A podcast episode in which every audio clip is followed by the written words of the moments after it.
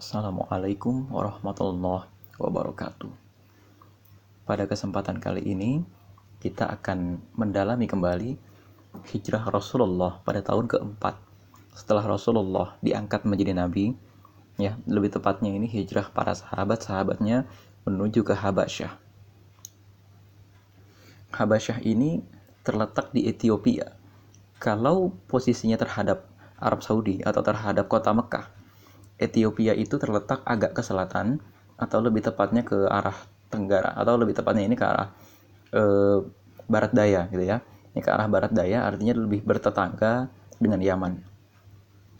Ethiopia pada hari ini atau Habasyah gitu ya pada hari ini lebih dikenal sebagai negeri yang miskin atau lebih tepatnya dimiskinkan. Karena memang di sana lebih banyak sumber daya yang sifatnya sumber daya alam yang sumber daya tambang daripada sumber daya yang sifatnya makanan.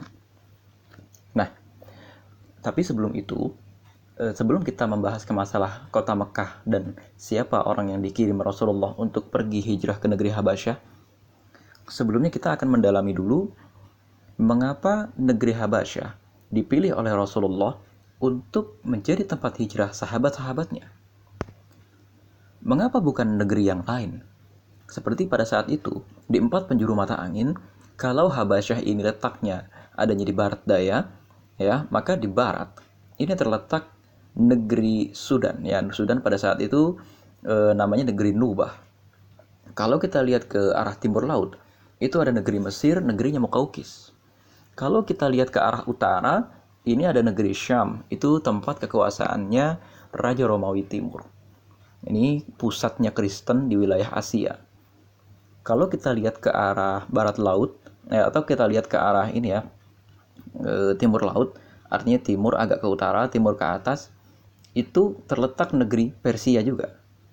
Nah, agak ke selatan, timur, dan kemudian ke arah tenggara, itu terletak negeri Persia juga, terus sampai ke selatan, itu barulah sampai kepada negeri Yaman.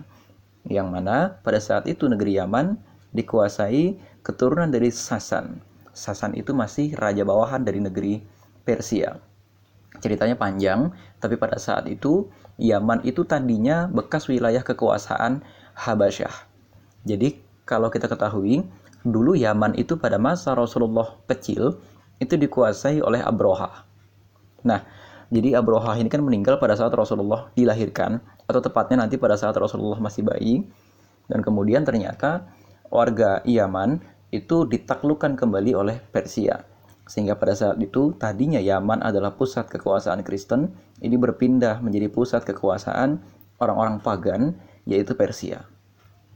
Nah, sampai di sini ada satu petunjuk menarik. Rasulullah Shallallahu Alaihi Wasallam pernah bersabda bahwa salah satu alasan pemilihan negeri Habasyah ya karena tempat hijrah kalian itu rajanya adil, tidak akan seorang pun dizolimi di sana. Petunjuk kedua, uh, Ja'far bin Abu Thalib.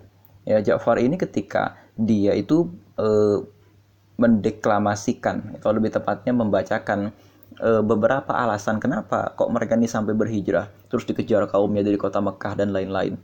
Salah satu alasannya bahwa Rasul yang mengajarkan agama kepada mereka itu ya uh, satu titiknya begini Hadisnya memang lumayan panjang, tapi ada satu kalimat menarik yang berkaitan dengan sabda Nabi yang tadi, bahwa Ja'far berkata, tadinya kami adalah kaum yang saling, saling menzolimi.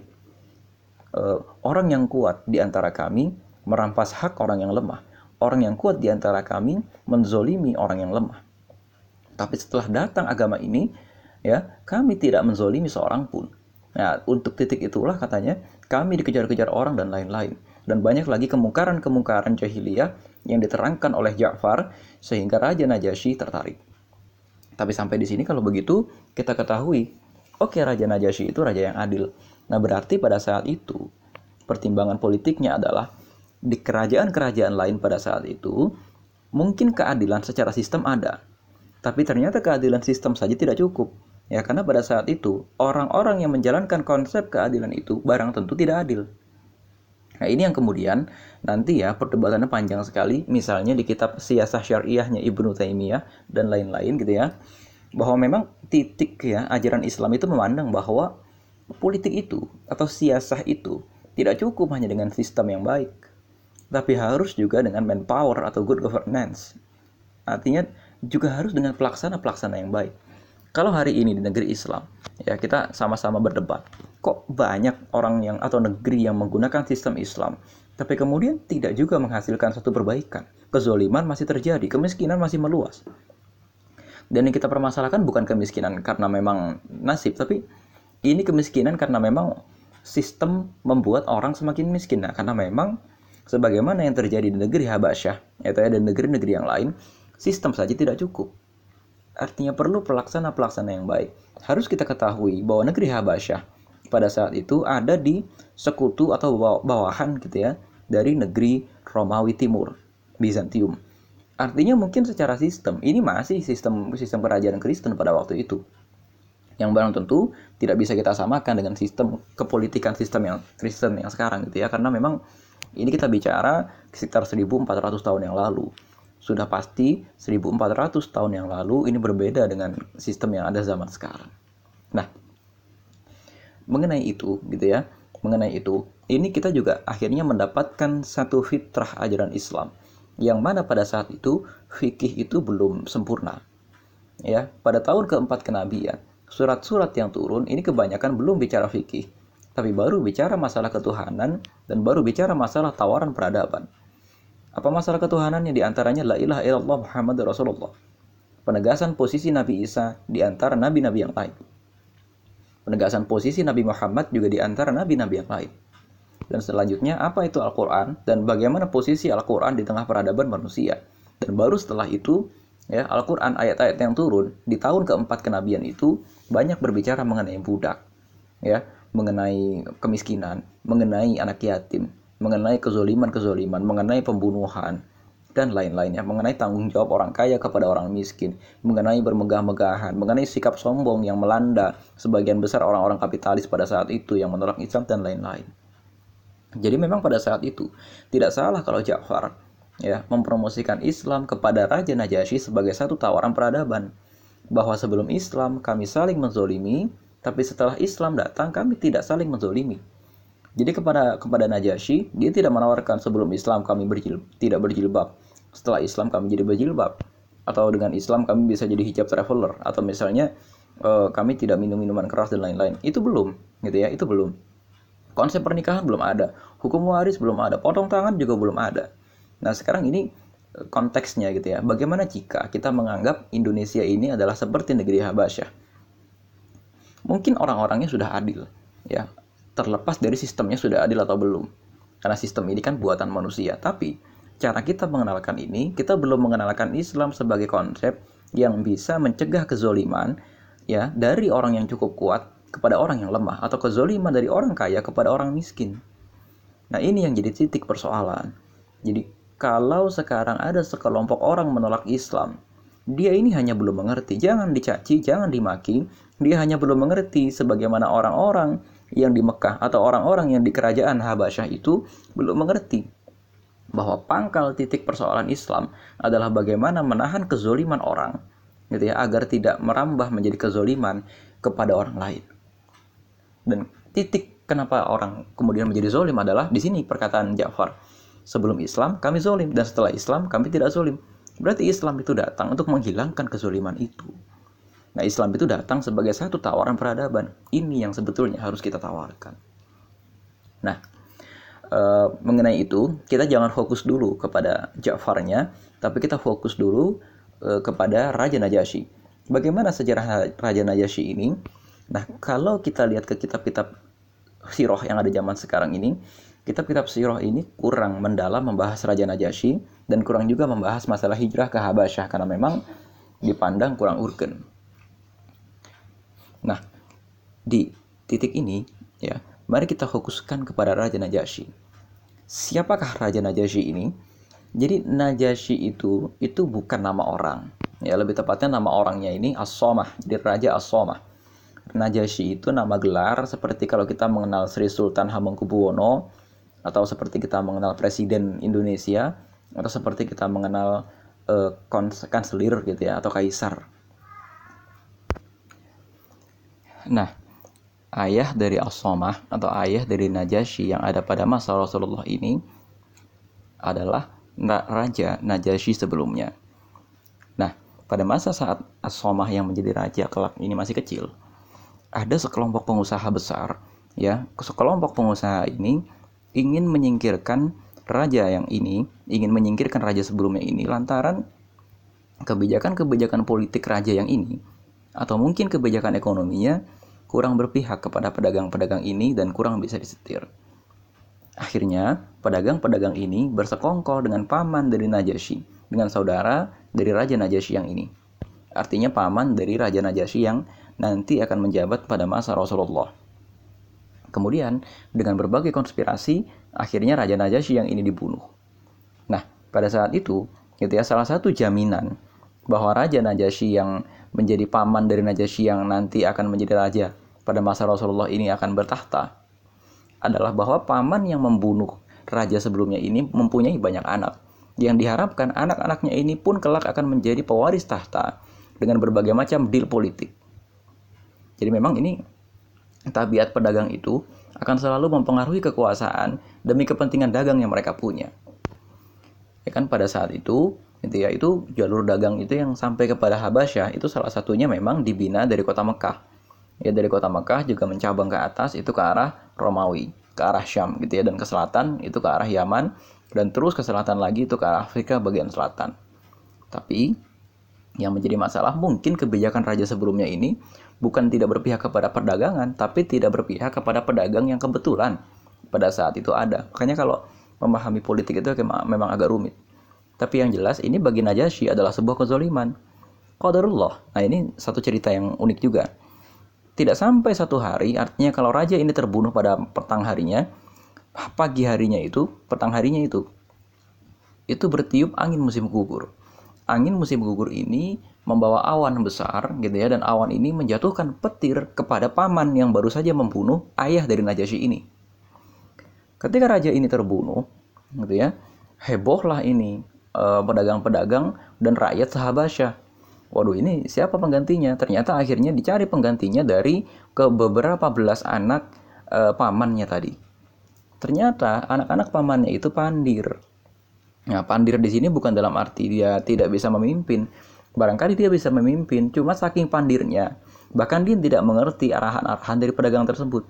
Karena kan sebenarnya begini, yang merugikan itu bukan raja yang pintar. Yang merugikan itu bukan cuma raja yang bodoh saja, tapi saking bodohnya, raja ini jadi nggak ngerti apa kepentingan-kepentingan politik yang berjalan di belakangnya, sehingga dia sendiri nggak ngerti ini akan merugikan siapa atau ini akan menguntungkan siapa. Nah, saking bodohnya penggantinya ini, ya dalam takaran pedagang-pedagang ini barangkali, gitu loh, ini nggak akan bisa menggantikan. Waduh, kalau begitu yang bisa menggantikan siapa ini?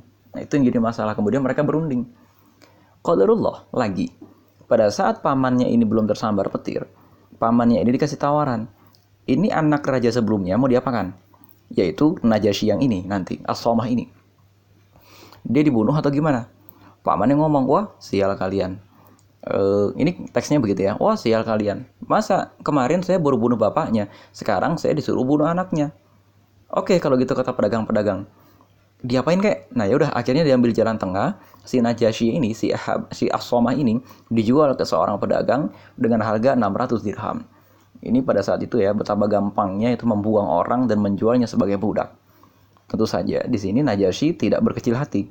Pokoknya apa pun yang terjadi dia tetap tetap menjadi seorang Asomah yang tadinya adalah mantan anak raja. Nah, ketika terjadi gonjang-ganjing politik di ibu kota, ini wah ekonomi negara berantakan gitu ya, pasukan militer mau memberontak dan lain-lain, rakyat itu butuh kepastian siapa rajanya. Sementara tidak ada satupun di antara pedagang-pedagang itu yang memang kapabel jadi raja.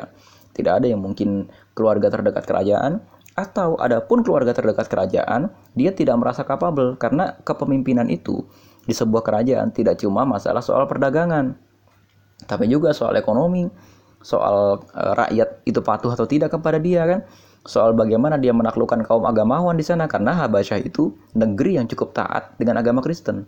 Artinya kalau dia juga gagal menundukkan kaum agamawan, dia gagal menundukkan kaum pebisnis, dia gagal menundukkan orang-orang militer, ya gagal juga kemudian pemerintahan itu. Nah kemudian akhirnya nggak lain nggak bukan, ya udah kayaknya ini masyarakat menginginkan terah atau keturunan dari Najasyi sebelumnya, yaitu as ini. Maka dicari Asomah, ternyata Asomah itu sedang bekerja kepada majikannya.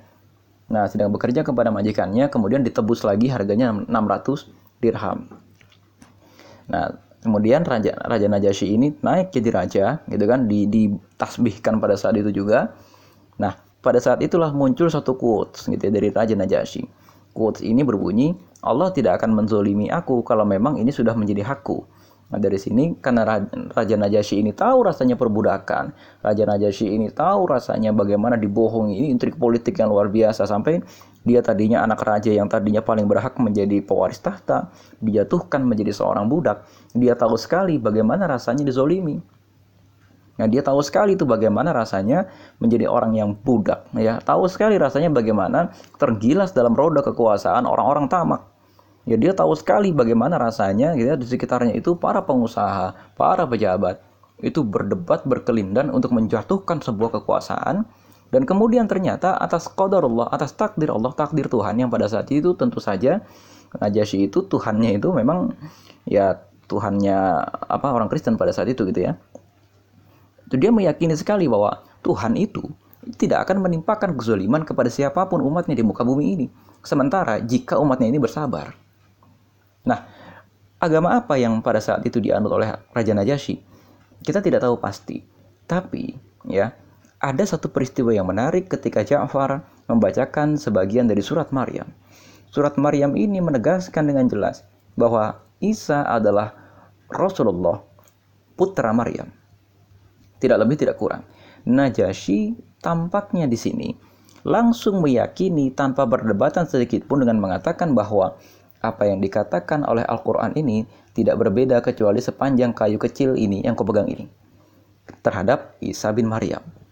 Pertanyaan pertama, apakah Najasyi memang secara diam-diam menyembunyikan keyakinannya bahwa dia itu adalah seorang penganut ajaran Islam dalam konteks asyhadu alla ilaha illallah wa Isa Rasulullah?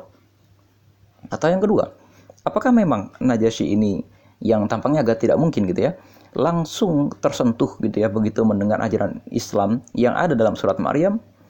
Nah, tampaknya di sini ada perdebatan mengingat memang keadilan Raja Najasyi ini cukup rumit juga. Apakah ketika memang dia diperbudak itu dia kemudian belajar satu agama ya yang agama ini agama-agama yang disebarkan oleh pendeta-pendeta dan kan nanti ketika Raja Najasyi ini masuk Islam, pendeta-pendeta itu tampaknya heboh. Jadi Najasyi ini kalaupun pada saat itu agamanya Islam, Isa Rasulullah, Tampaknya dia cukup berhasil menyembunyikan agamanya itu.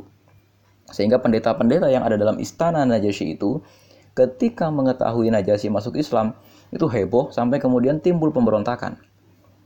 Atau karena memang kemungkinan yang selanjutnya adalah ya Najasyi memang baru tersentuh pada saat Ja'far itu membacakan surat Maryam itu yang nanti di kajian ke depan kita akan bahas. Kalaupun misalnya Najasyi memang memeluk agama Islam dalam konteks asyhadu alla ilaha illallah wa Isa Rasulullah sebelum Ja'far datang, lalu dari mana ini Najasyi mendapatkan ajarannya? Ya karena pada tahun ini kan kira-kira pada tahun 600-an Masehi gitu ya, 610 Masehi, 610 atau 611-an Masehi. Pada saat itu kira-kira sudah berlalu sekitar 70 sampai 100 tahun ya setelah konsili Nisea dan konsili Salcedon konsili-konsili itu yang membahas ya seluruh ulama-ulama dan pendeta-pendeta Kristen itu membahas mana ajaran Kristen, mana Bible yang dianggap legitimate atau mana ajaran-ajaran Kristen yang dianggap mewakili ajaran Kristen yang benar. Dan tidak ada ajaran Kristen yang la ilaha illallah wa Isa Rasulullah yang dibenarkan. Kita kembali gitu ya kepada keseluruhan tema hijrah kepada Habasyah ini Tampaknya di sini juga Rasulullah mengetahui secara rinci kisah ini. Yaitu sebabnya Rasulullah langsung dapat menentukan ya dengan satu kalimat yang ringkas tapi tepat sekali bahwa kata Rasulullah di sana ada raja yang adil. Nah, tampaknya di sini Rasulullah itu sudah mengetahui adil ini dalam konteks oke, okay, di Syam ya Romawi Timur itu juga punya sebuah sistem. Yang mana sistemnya ini dari mana Rasulullah tahu? Jelas orang-orang Quraisy dan Rasulullah sendiri pernah berdagang ke Syam. Namanya seorang pedagang penting untuk mengetahui peraturan-peraturan apa yang ada di sebuah negeri. Ya. Di Persia juga seperti itu.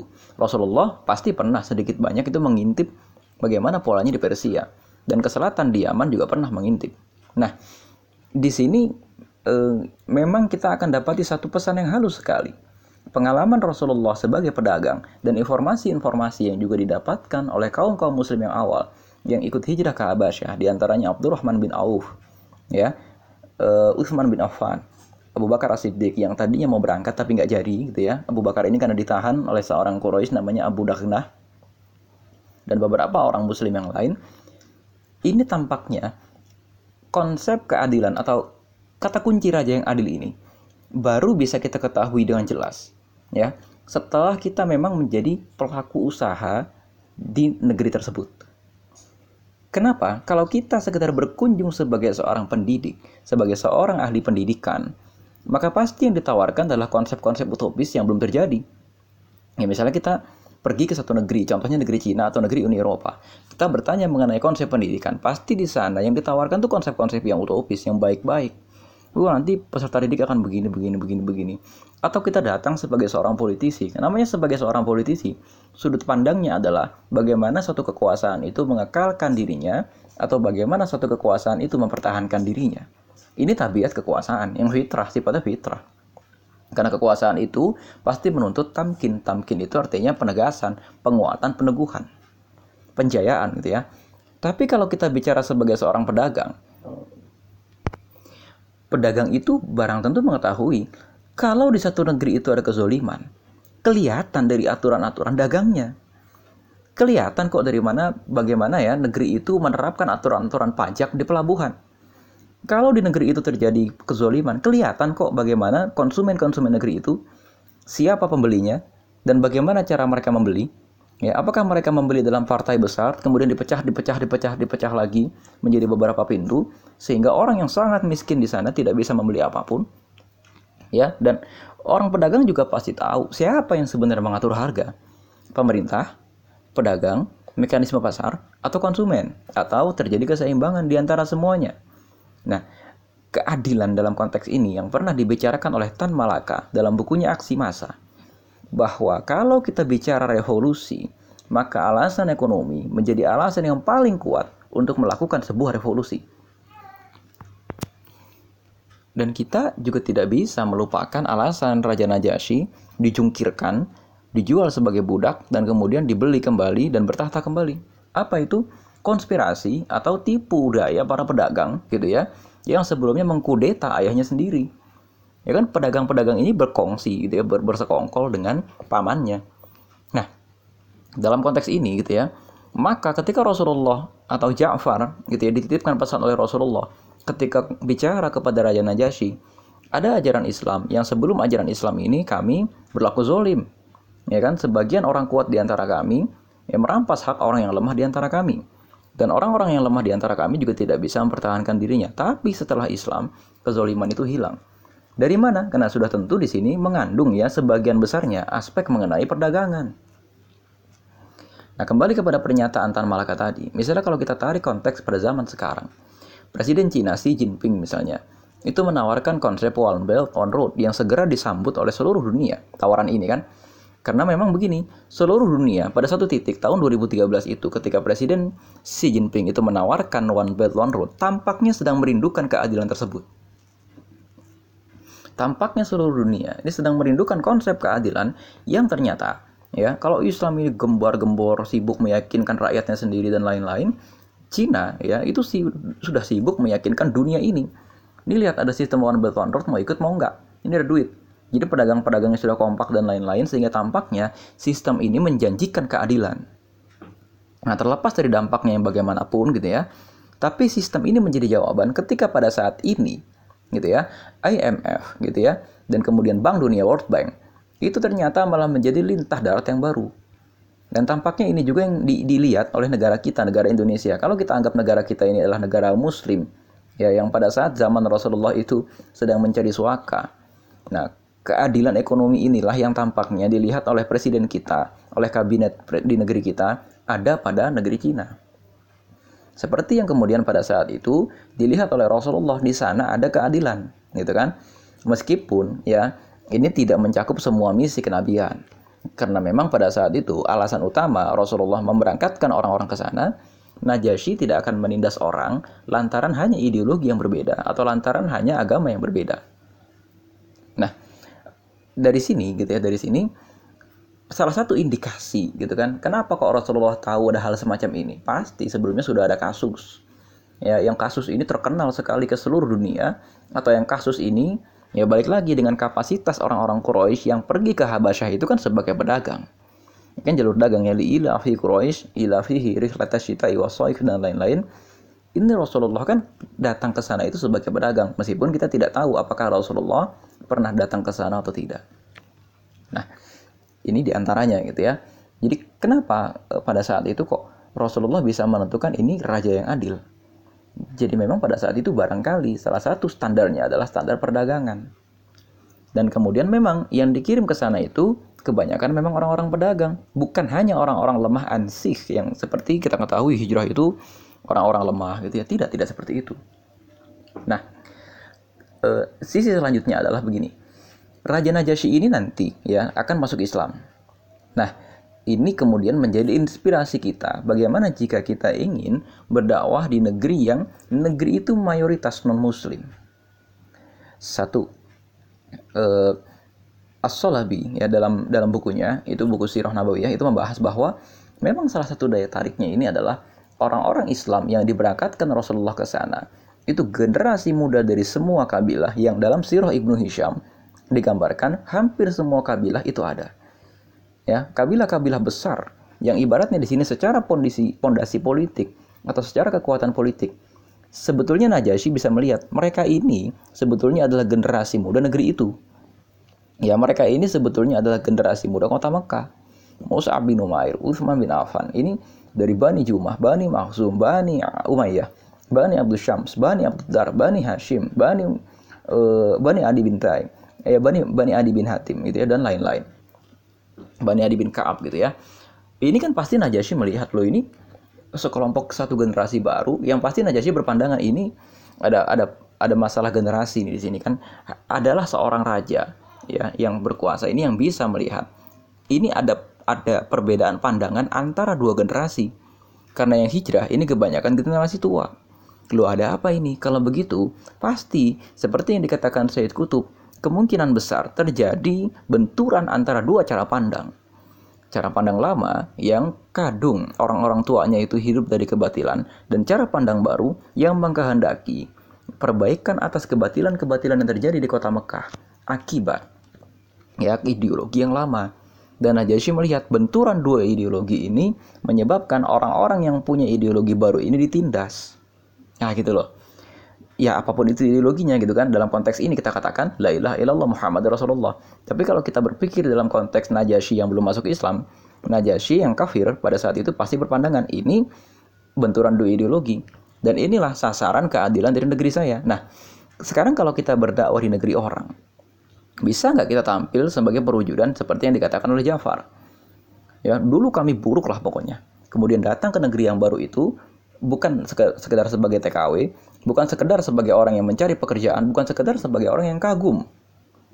Ingat, orang-orang yang hijrah ke Habasyah itu tidak dalam kondisi kagum kepada negeri Habasyah yang datang ke sana selfie-selfie gitu ya. Tapi memang datang ke sana memang memang bertujuan mereka membawa konsep peradaban, ingin membangun peradaban, tapi di tempat mereka membangun peradaban, mereka diusir, disiksa, maka mereka menyelamatkan diri. Nah kemudian, gitu kan, ini ketika mereka ketemu dengan seorang politisi besar, raja, mereka mampu meyakinkan raja tersebut. Ini kan dalam konteks, berarti raja ini menganggap orang yang bicara di hadapannya itu satu level. Seadil-adil apa pun si raja ini, pasti dia juga punya cukup kepentingan ya dia juga punya cukup perhatian untuk mau memperhatikan orang yang mengungsi ke negerinya ini. Allah alim. Kira-kira itu yang bisa kita bahas hari ini, kita diskusikan hari ini.